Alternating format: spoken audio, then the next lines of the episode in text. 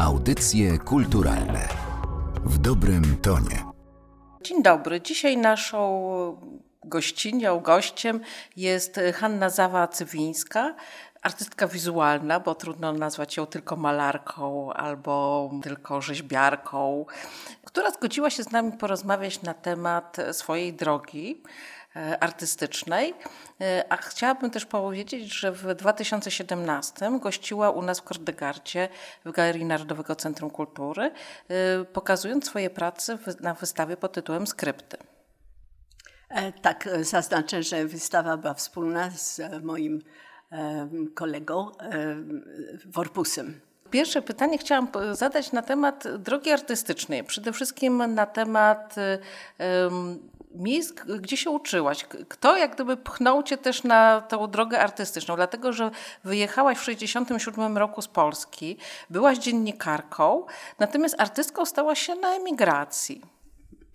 E, tak, chyba to się zaczęło od tego, że e, czułam potrzebę wypowiedzi, ponieważ nie mogłam się tam wypowiadać e, w języku angielskim. Wprawdzie szukałam na początku pracy w dziennikarstwie. Powiedzieli mi, o proszę pani, jest tylu bezrobotnych dziennikarzy z językiem angielskim, a mój był bardzo, bardzo skromny, z ciężkim akcentem. Wobec tego może tą moją, moją jakąś pasję wewnętrzną, żeby coś przekazywać, wylewałam sobie e, we własnym domu, malując bez żadnego przygotowania obrazy kolorowe na ścianę. No i właśnie tak się zaczęło, że przyszedł kiedyś e, jakiś dyrektor mm, przedsiębiorstwa, odwiedzał mojego męża, zobaczył te obrazy i mówi, ach, takie są piękne, czy nie mogłabyś zrobić e, nam do pokoju konferen konferencyjnego? Ja powiedziałam oczywiście, czy chcę podobny. Tak, zrobiłam. E, zapytał się, jaka cena. Ja powiedziałam 2000. Uważam, że to strasznie dużo, jak na pierwszy obraz sprzedajny. A on się zdziwił co? Dwa tysiące? Ja już zaczęłam wahać się, no jeżeli pan uważa, że za mało, chciałam to powiedzieć, ale na szczęście jeszcze nie wypowiedziałam, ale on skoczył, bo ja widziałam prawie taki sam w galerii za 30 tysięcy. Więc ja mu powiedziałam, no tak, ale ja nie studiowałam nic, także nie mam prawa brać takich cen. I wtedy to było chyba bodźcem, że sobie pomyślałam, muszę pójść na studia. E, I, I, gdzie były te szkoły? Bo wiem, że studiowałaś w Nowym Jorku. Czy by, były też jakieś y, osoby, które cię spe, specjalnie poruszały, jacyś artyści też, y, którzy do ciebie bardziej przemawiali przez innych, bo trzeba powiedzieć, że jesteś artystką, która się posługuje abstrakcją geometryczną, więc y, to, to nie są kwiatki na łące, to, to jest bardzo specyficzne jednak malarstwo, bardzo specyficzna twórczość, bardzo abstrakcyjna, intelektualna. Może zanim zaczęłam studiować, przede wszystkim najpierw zaczęłam studiować reklamę na FIT, to jest dział Fashion Institute of Technology na Uniwersytecie State New York University, mm, bo myślałam, że to mi da zawód. Reklama to zawsze e, coś się robi konkretnego. No i tam nauczyciele, profesorowie można powiedzieć, bo to była wyższa uczelnia, namawiali mnie, dwóch profesorów namawiało koniecznie, żebym zaczęła studiować malarstwo, tak zwane sztuki e, piękne, bo reklama to była raczej e, sztuka taka utylitarna. I wtedy ja wciąż myślałam, żeby zdobyć zawód, bo pamiętam dla mojej mamy było szalenie ważne, żebym ja zarabiała. To było dla mojej mamy ideał kobiety, która musi sama się utrzymać. Więc znowu dlatego wybrałam to reklamę, żeby mi przyniosła tak zwany chleb mój, nie męża, tylko mój.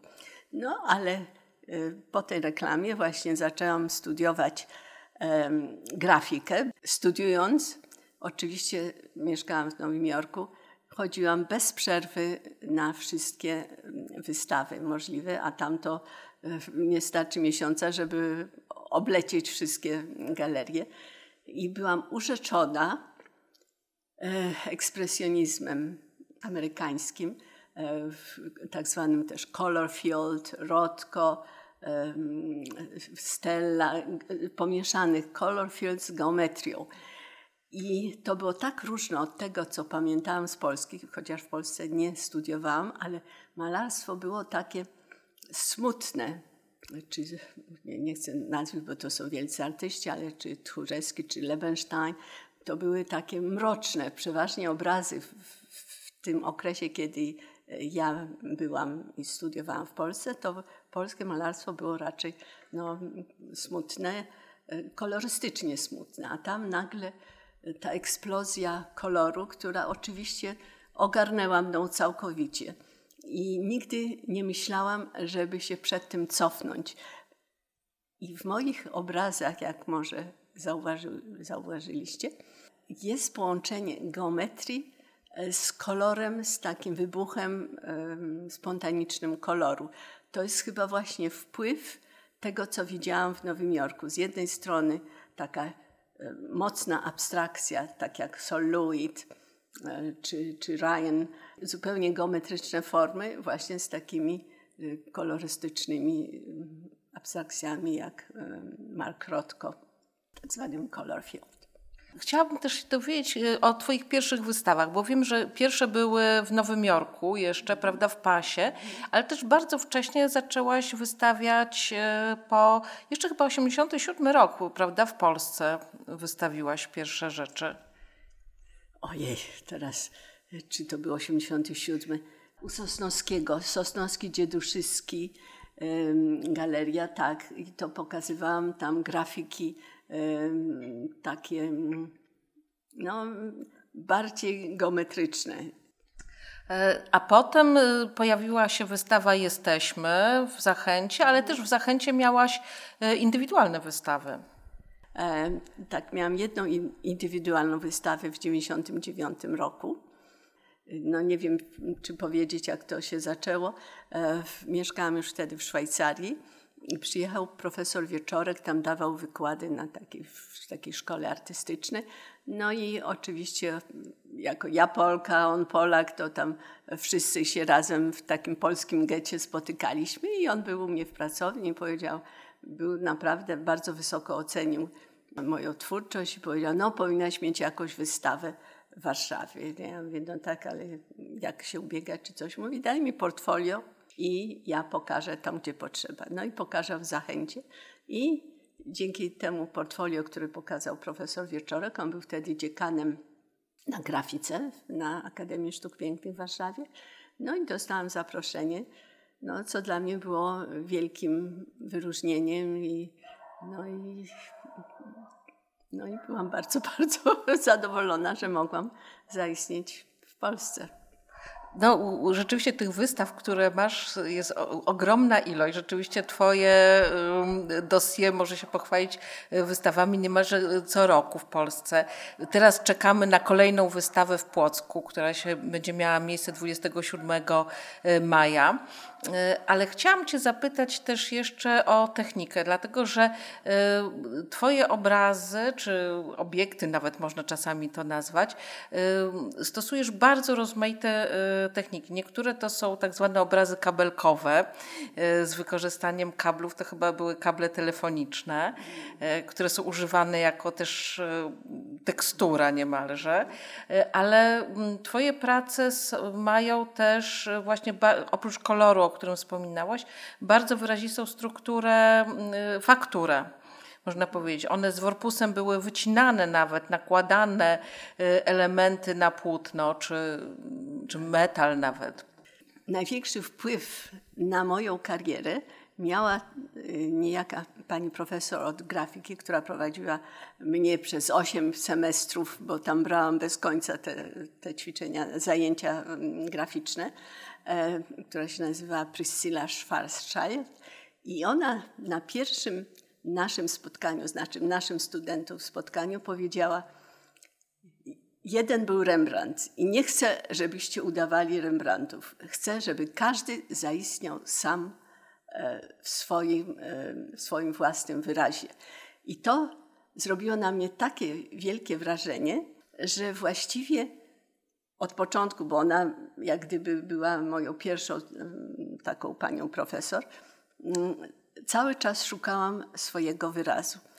Z tymi kablami to był przypadek i właściwie tak jak wszystko w życiu, a przynajmniej w moim życiu się zdarza, że są od przypadku do przypadku, ale wtłaczam to wszystko jak gdyby w jedną, może nieładnie mówiąc, w jedną rynnę, w jeden kanał, że te przypadki e, przerabiam na swój sposób, że one są moje i są odpowiednio przystosowane czy do, do, mojego do mojej filozofii czy sposobu wyrazu.